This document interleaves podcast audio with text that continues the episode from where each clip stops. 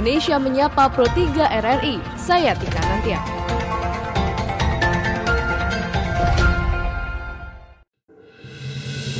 Dari Medan Merdeka Barat 45 Jakarta, inilah Radio Republik Indonesia dengan Warta Berita.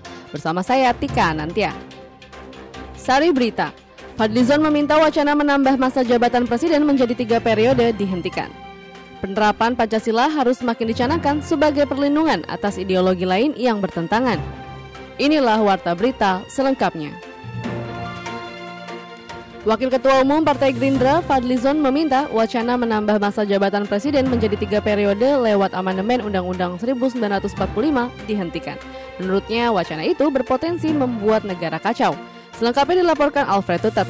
Politikus Partai Gerindra Fadlizon meminta semua pihak untuk menghentikan pembahasan mengenai wacana penambahan masa jabatan presiden menjadi tiga periode. Menurutnya wacana tersebut bisa mengancam keberlangsungan demokrasi di Indonesia. Ketika ditemui di Jakarta, penolakan Fadli ini bukan tanpa alasan. Dia merasa dua periode masa jabatan presiden yang telah diatur dalam undang-undang saat ini merupakan hasil kesepakatan bersama yang tertuang dalam amanat konstitusi sehingga menurutnya tak perlu ditambah lagi menjadi tiga periode. Wacana yang sangat berbahaya bagi demokrasi kita ya harus dihentikan lah karena itu akan memicu kontroversi dan kegaduhan yang tidak ada gunanya. Jadi cukup dua periode itu adalah saya kira sudah menjadi amanat konstitusi kita. Jangan sampai ada orang yang mencoba-coba lagi mau tiga periode makin kacau nanti negara kita ini. Nanti kalau itu diubah itu akan membuka seperti kotak Pandora. Orang mengubah apa yang lain-lain nanti bisa ada pertanyaan dasar negara, bisa pertanyaan lagi ini orang Indonesia asli atau bukan gitu ya. Jadi lebih bagus ya sudahlah jangan menimbulkan kegaduhan baru di saat situasi kita seperti sekarang ini ekonomi masih kacau. Terakhir Fadli menegaskan dewanti-wanti wacana itu jangan sampai bergulir atau bahkan berkembang hingga mengarah pada pembahasan di tingkat legislator.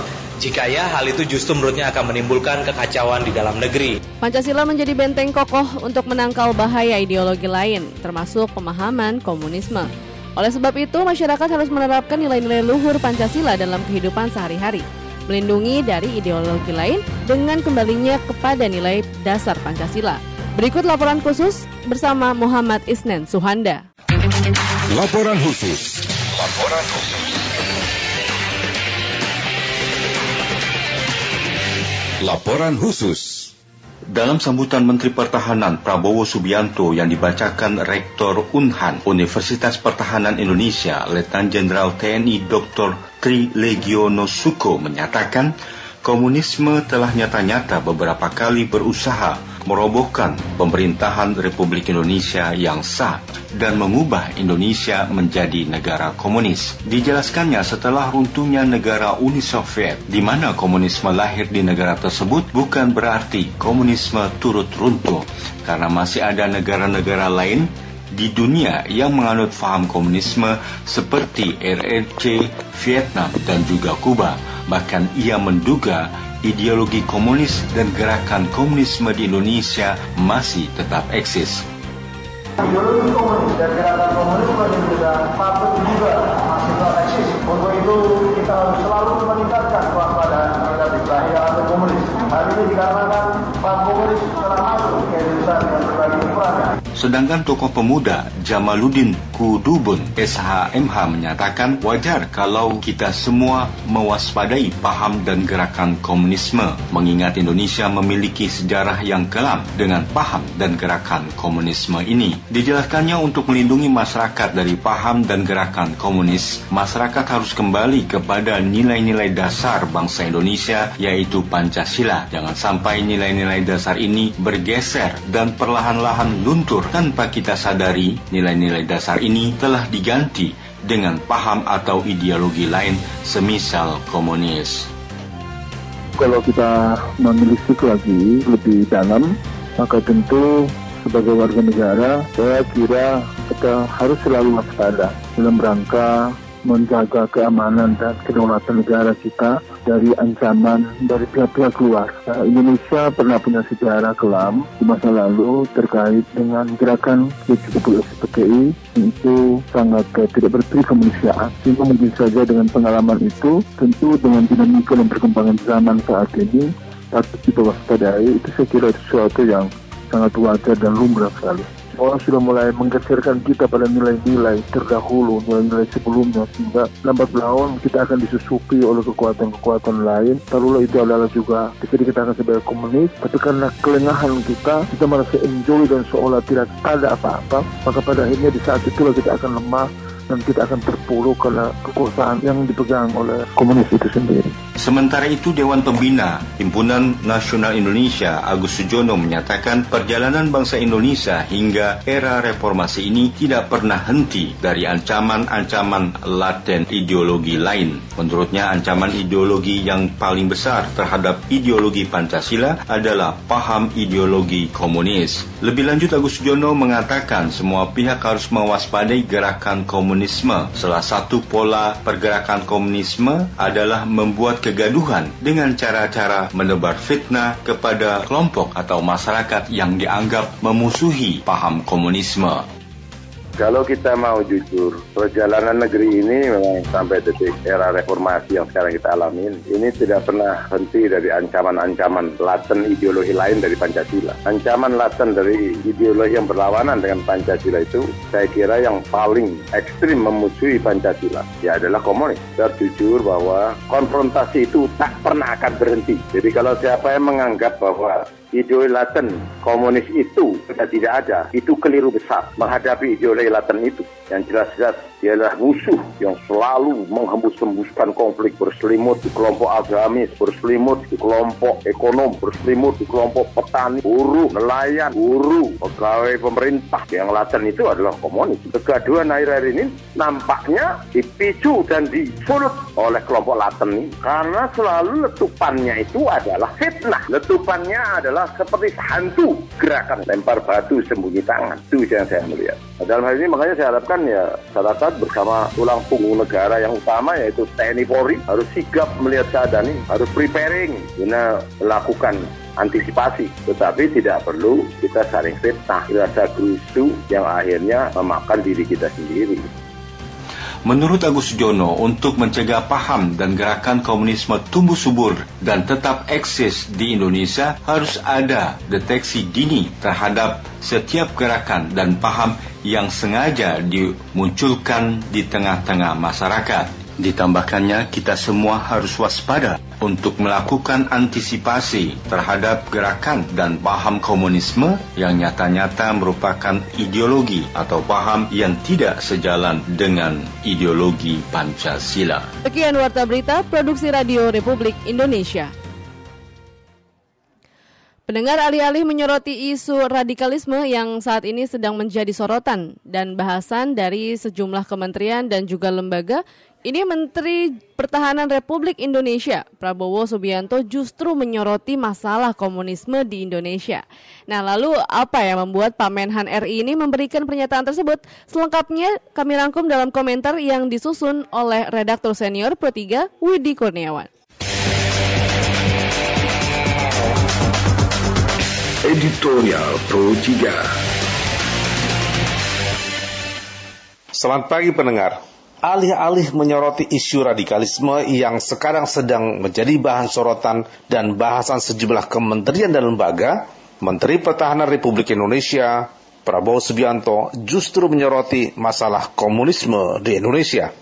Walau pandangan soal komunisme itu merupakan sambutan tertulis Prabowo Subianto yang disampaikan oleh Rektor Universitas Pertahanan, Letjen TNI Tri Legiono Suko di Lemhanas akhir pekan lalu, tetap saja pokok bahasan itu dianggap merupakan pandangan dari Menteri Pertahanan. Artinya, Prabowo Subianto dianggap mewakili pandangan Kementerian Pertahanan tengah konsen terhadap bahaya laten komunis di Indonesia. Tidak mungkin sepertinya seorang jenderal bintang 3 menyampaikan sejumlah pandangan tertulis tanpa disposisi atasannya. Apalagi pandangan tersebut disampaikan di area Gedung Lemhanas Republik Indonesia, suatu institusi yang memiliki integritas dan kredibilitas dalam pemahaman masalah kebangsaan. Lebih menarik lagi pada acara tersebut hadir pula mantan Menteri Pertahanan Republik Indonesia, Jenderal TNI Purnawirawan Ria Mirjat Ria Kudu. Bahkan Jenderal Yamijat Riyakudu turut menegaskan untuk bersikap hati-hati terhadap komunisme. sebab gerakan komunis suka membonceng. Kata Ria Mijatria Kudu, PKI sudah tiga kali berontak di tanah air, yakni tahun 1926, 1948, dan 1965.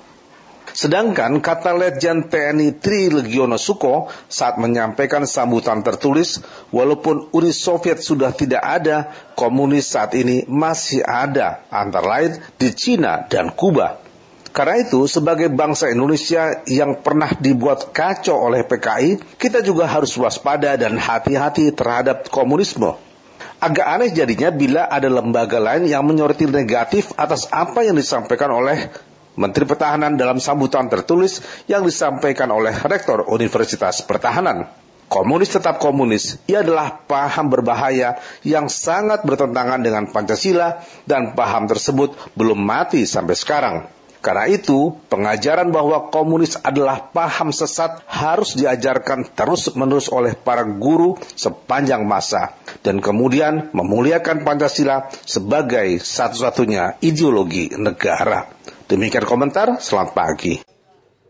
Pendengar masih menyoroti terkait dengan pidato Rektor Universitas Pertahanan Letjen TNI Tri Legiono Suko yang ternyata menuai kontroversi. Nah, ini melalui juru bicara Menhan RI, Prabowo Subianto mengaku tidak tahu menau terkait dengan isi pidato tersebut. Namun, ia menambahkan bahwa ideologi apa pun yang mengancam Pancasila harus dilawan.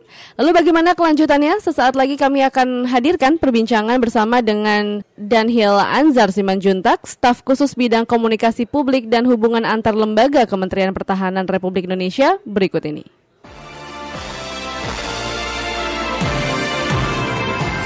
Ya, selamat pagi Pak Daniel. Selamat pagi Mbak Arya. Iya. Waalaikumsalam warahmatullahi wabarakatuh. Pak Daniel, ini kita sedang uh, membahas tadi ya di uh, komentar pada saat berita tadi juga mengenai bahaya laten komunis begitu dan kemudian juga ya. apa yang uh, kemarin sepertinya juga saya ramai ini membaca di media sosial begitu ya, di media online mengenai uh, apa yang disampaikan kembali oleh Pak Prabowo Subianto mengenai uh, pentingnya lah begitu kita ingat kekejaman PKI dan sebagainya begitu. Harus kembali hmm. diingatkan kepada para generasi muda kita. Dan walaupun ini juga tidak langsung disampaikan oleh beliau begitu tapi dikatakan ini sambutan atas nama beliau. Nah tapi kemudian uh, dibantah begitu ya. Nah, mungkin Pak Daniel bisa mengkonfirmasi. Pertama Pak Prabowo memang secara resmi tidak menitipkan pidato beliau ya kepada ya. apa kepada acara yang diadakan oleh uh, apa Dewan Pertahanan kalau nggak salah kemarin itu. Mm-hmm. Jadi tidak ada apa titipan pidato dari Pak Prabowo. Mm-hmm. Jadi uh, kita juga kaget ada mm-hmm. statement mengatasnamakan Pak Prabowo dan pidato Pak Prabowo. Kita nggak tahu ada kesalahan teknis di mana, tapi mm-hmm. hari ini saya uh, apa akan berkomunikasi dengan pihak rektor uh, Unhan yeah. dan Humas di Kemenhan untuk mengklarifikasi hal tersebut. Itu pertama. Mm-hmm. Kemudian kedua terkait dengan konten. Yeah. Pada prinsipnya Pak Prabowo menyampaikan bahwasannya beliau uh, punya concern uh, uh, apa terhadap ancaman ideologi. Mm-hmm. Dan itu adalah salah satu uh, variabel penting untuk memahami bagaimana pertahanan kita kuat. Salah satunya adalah uh, ancaman terhadap ideologi-ideologi yang berbahaya bagi mm-hmm. eksistensi Pancasila. Mm-hmm. Nah, uh, kesadaran terhadap ancaman tersebut itu penting mm-hmm. agar Pancasila kita bisa tetap hadir dan eksis di di apa NKRI. Nah, oleh sebab itu uh, uh, apa pun ideologinya, termasuk mm-hmm. komunisme, apa pun ideologi-ideologi yang lain yang membahayakan uh, eh, NKRI tentu harus di dilawan dan tentu harus ada pendidikan yang lebih intensif ya dan uh, apa uh, berbasis nilai terkait dengan Pancasila. Nah hari-hari ini kan pendidikan Pancasila yeah. itu uh, masih uh, masih sekedar uh, formalitas, belum ya. berubah menjadi nilai. Nah, mm-hmm. Pak Prabowo tentu secara substantif itu menginginkan mendorong mm-hmm. uh, pendidikan Pancasila itu menjadi pendidikan yang berbasis nilai. Jadi mm-hmm. kita tidak berhenti sekedar apa secara seremonial uh, mengucapkan Pancasila, tetapi harus pada orientasi bagaimana menghadirkan nilai-nilai Pancasila itu. Mm-hmm. Guru, kemudian uh, pemimpin bangsa, pejabat, mm-hmm. politisi, siapa pun itu itu harus punya apa punya komitmen jadi teladan dari sikap-sikap Pancasila. Kira-kira begitu Mbak Arya. Ya, baik Pak. Tapi uh, mungkin kembali lagi kepada uh, pidato yang disampaikan oleh Pak hmm. Tri Legiono Suko begitu ya. Ini hmm. apakah mungkin begitu ya sampai uh, beliau tanda kutip berani lah begitu berbicara atas hmm. nama Bapak Prabowo Subianto gitu mengenai uh, isi dari pidato tersebut? Kita tidak tahu hari ini saya uh, akan berkomunikasi pihak Sekjen hmm. uh, Kemenhan akan memanggil uh, pihak apa uh, Pak Rektor, kemudian juga memanggil para pihak ya yang terkait dengan uh, pidato tersebut, teks mm -hmm. pidato tersebut dan sebagainya. Mm -hmm. Dari siapa? Karena biasanya kalau ada titipan uh, apa pidato yeah. biasanya dikonfirmasi kepada Pak Prabowo dan biasanya diparaf atau ditandatangani oleh Pak mm. Prabowo. Yeah. Nah terkait dengan pidato kemarin Pak Prabowo tidak tahu menahu, mm -hmm. tidak ada paraf dan juga tidak ada tanda tangan. Mm -hmm. Saya sudah konfirmasi kepada Pak Sekjen, Sekjen Kemenhan dalam hal ini, beliau mm -hmm. nanti uh, akan uh, mengkonfirmasi mm -hmm. bagaimana sebenarnya sampai ada mm -hmm. teks pidato yeah. itu kepada Pak Rektor. Baik, atau mungkin juga ini uh, sebuah bincang-bincang antara Pak Tri dengan Pak Prabowo begitu ya, kemudian yang dituangkan Pak Tri dalam uh, sambutannya begitu, mungkin juga demikian. Secara secara apa? Secara langsung kan tidak dibenarkan dan ya. Pak Tri juga belum uh, bertemu ya mhm. beberapa mm -hmm. hari ini dengan Pak Prabowo. Jadi pada prinsipnya mm -hmm. uh, tentu uh, Pak Prabowo menginginkan ada apa ketertiban dalam yeah. dalam tanda kutip ya yeah, yeah. Uh, menyampaikan statement apalagi mengatasnamakan mm -hmm. uh, Menteri Pertahanan mm -hmm. secara ofisial saya saja yang uh, apa yang mengurusi komunikasi publik Pak Prabowo tentu tidak bisa bicara yeah. uh, apa tanpa konfirmasi dan tanpa yeah. permintaan dari Pak Prabowo. Ya, baik. Okay. Jadi silakan. Kemudian Pak uh, Daniel yang ingin juga saya tanyakan, hmm. ketika lembaga lain juga turut menyoroti, tapi sayang sorotannya negatif, padahal juga esensinya bisa kita dapatkan bahwa positif hmm. begitu bagus ya, hmm. gitu. Ini ya, sikap yang ya. dari Pak Daniel seperti apa? Ya, kita tidak bicara tentang kontennya, kita hmm. tentang uh, proses itu pertama. Ya, ya SOP-nya gitu ya. kedua, ya. Ya, yang kedua tentu uh, tadi saya sebutkan Pak Prabowo bersepakat bahwasannya uh, apa pun ideologinya, mau komunisme, hmm. mau ideologi-ideologi yang lain yang mengancam eksistensi Pancasila itu memang harus dilawan.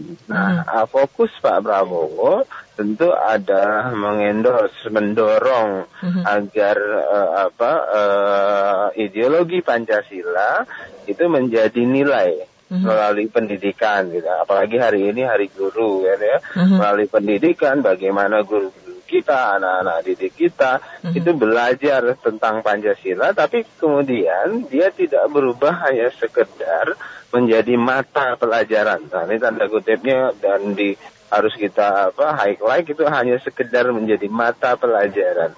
Tapi dia harus berubah menjadi nilai dia didorong menjadi nilai nilai dalam hidup kehidupan berbangsa dan bernegara gitu. Hmm. dan ini adalah ideologi kesepakatan bersama apa pun agama kita begitu ya. Jadi uh, dia harus dijadikan nilai tidak berhenti jadi mata pelajaran. Itu poin utama ketika Pak Prabowo bicara tentang uh, ancaman uh, terhadap uh, ideologi Pancasila. Baik itu dari tadi saya sebutkan komunisme maupun sebagainya Ya baik, uh, tapi mungkin ini uh, akhir-akhir inilah begitu ya yeah. mengenai uh, paham komunisme begitu ini kan juga merupakan sebuah uh, ancaman lah bisa dikatakan mm-hmm. tidak sesuai dengan Pancasila ya nilai-nilai Pancasila mm-hmm. begitu.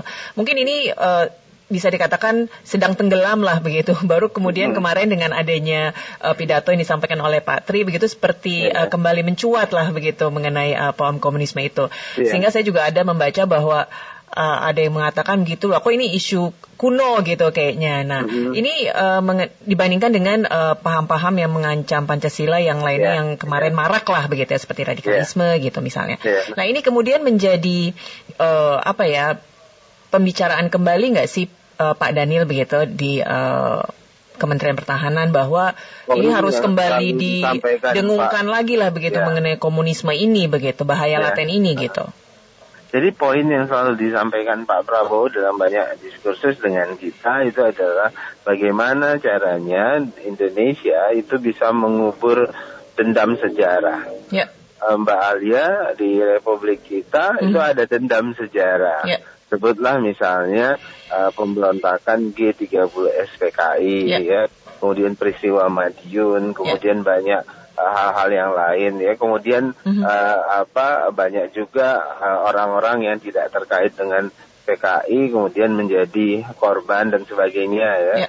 uh, dituduh mereka PKI padahal mereka tidak kemudian yeah. ada orang-orang yang ya banyak hal mm-hmm. nah kemudian memunculkan dendam sejarah mm-hmm. nah dendam sejarah itu yang bagi Pak Prabowo tidak boleh terus dihidupkan dan mm -hmm. dirawat mm -hmm. gitu loh. Mm -hmm. Harus ada rekonsiliasi nasional mm -hmm. begitu ya. Mm -hmm. Baik itu ada misalnya dalam sejarah kita kan ada pertarungan ideologi. Islam misalnya ada pertarungan ideologi ya, dulu komunisme, mm -hmm. dulu, kemudian sekarang ada liberalisme dan macam-macam. Mm -hmm. Nah, dalam sejarah kita misalnya antara Islam, kelompok nasionalis, kelompok mm -hmm uh, komunis dan sebagainya itu ada ada dendam, ada dendam sejarah uh-huh. diakui ataupun tidak. Nah, uh-huh. yang ingin di saat di apa dihilangkan Pak Prabowo adalah bagaimana dendam sejarah itu peristiwa-peristiwa politik lama uh-huh. itu uh-huh. dipelajari, dipahami, uh-huh. tapi tidak kemudian menjadi dendam uh-huh. sehingga ditu apa diturunkan uh, ke anak cucu gitu uh-huh. loh sehingga uh-huh. politik kita itu akan terus diisi dengan politik dendam. Uh-huh. Nah, sedangkan kita harusnya sudah move on kan, harus uh-huh. bergerak maju bagaimana uh, memikirkan uh, model pembangunan, bagaimana uh, apa melindungi segenap tumpah darah, memajukan kecerdasan umum dan sebagainya. Nah, Pak Prabowo uh-huh. ingin dalam poin itu ideologi yang mengancam ya harus kita lawan mm-hmm. dan pastikan caranya adalah menguatkan Pancasila itu sendiri. Kira-kira hmm. begitu, Mbak. Baik, menguatkan Pancasila dalam arti supaya si dendam uh, sejarah ini tidak uh, terus hidup begitu lah ya, atau dihidupkan betul. begitu ya, ya. tidak terus diingat-ingat lah begitu. Oke, karena uh, Bang Daniel kemudian juga Alia beberapa waktu lalu juga sempat kita seringnya mendengar informasi kabar yang beredar di media sosial itu vandalisme dari uh, hmm. pencoretan uh, dengan menggambarkan logo Palu Arit ini kan ya. Nah, hmm. dari situ kan kemudian akhirnya muncul masih ada saja yang menjadi otak dari si pembalas dendam. Ini hmm. Yang di, di kalangan yang yang paling sering itu adalah tepatnya di sekolah bahkan di kampus. Nah ini juga kebetulan tepat hari guru uh, hmm. bisa disampaikan kiranya untuk guru ke depan apa harapannya terkait tentang uh, tetap fokus begitu dengan ideologi Pancasilanya. Silakan. Ya, pertama kita mendorong agar para guru uh, apa tentu tadi pertama ya mengintensifkan nilai-nilai Pancasila dalam setiap pengajarannya, bukan sekedar menjadi mata pelajaran, tapi menjadi nilai. Itu pertama ya. Kemudian kedua, tentu anak-anak murid perlu diberikan pemahaman sejarah yang baik dan benar begitu ya. Tapi uh, itu harus dicatat sebagai sejarah yang tidak boleh terulang lagi dan ya. jadi pembelajaran dan kemudian tidak boleh juga ada dendam uh, yang dibawa dalam proses uh, pembelajaran sejarah itu. Kita harus bergerak maju, anak-anak harus diajarkan bagaimana bisa saling memaafkan dalam sejarah tapi uh, dipahami supaya tidak bisa uh, tidak terulang lagi. Saya pikir itu. Ya, baik. Karena ini dendam sejarah kadang-kadang mungkin bukan di sekolah tapi justru turun temurun ini ya Betul, di dalam di keluarga biasanya betul. ini. baik, uh, Pak Daniel terima kasih atas waktunya dan juga konfirmasinya. Kami juga masih menunggu ya nanti ya uh, update uh, terbaru lagi mengenai uh, tadi yang ingin ditelusuri oleh Pak Daniel ini mengenai miskom ini. Baik, baik. Baik, terima, terima kasih. kasih. Selamat pagi, Pak Daniel. Iya, selamat pagi. Assalamualaikum.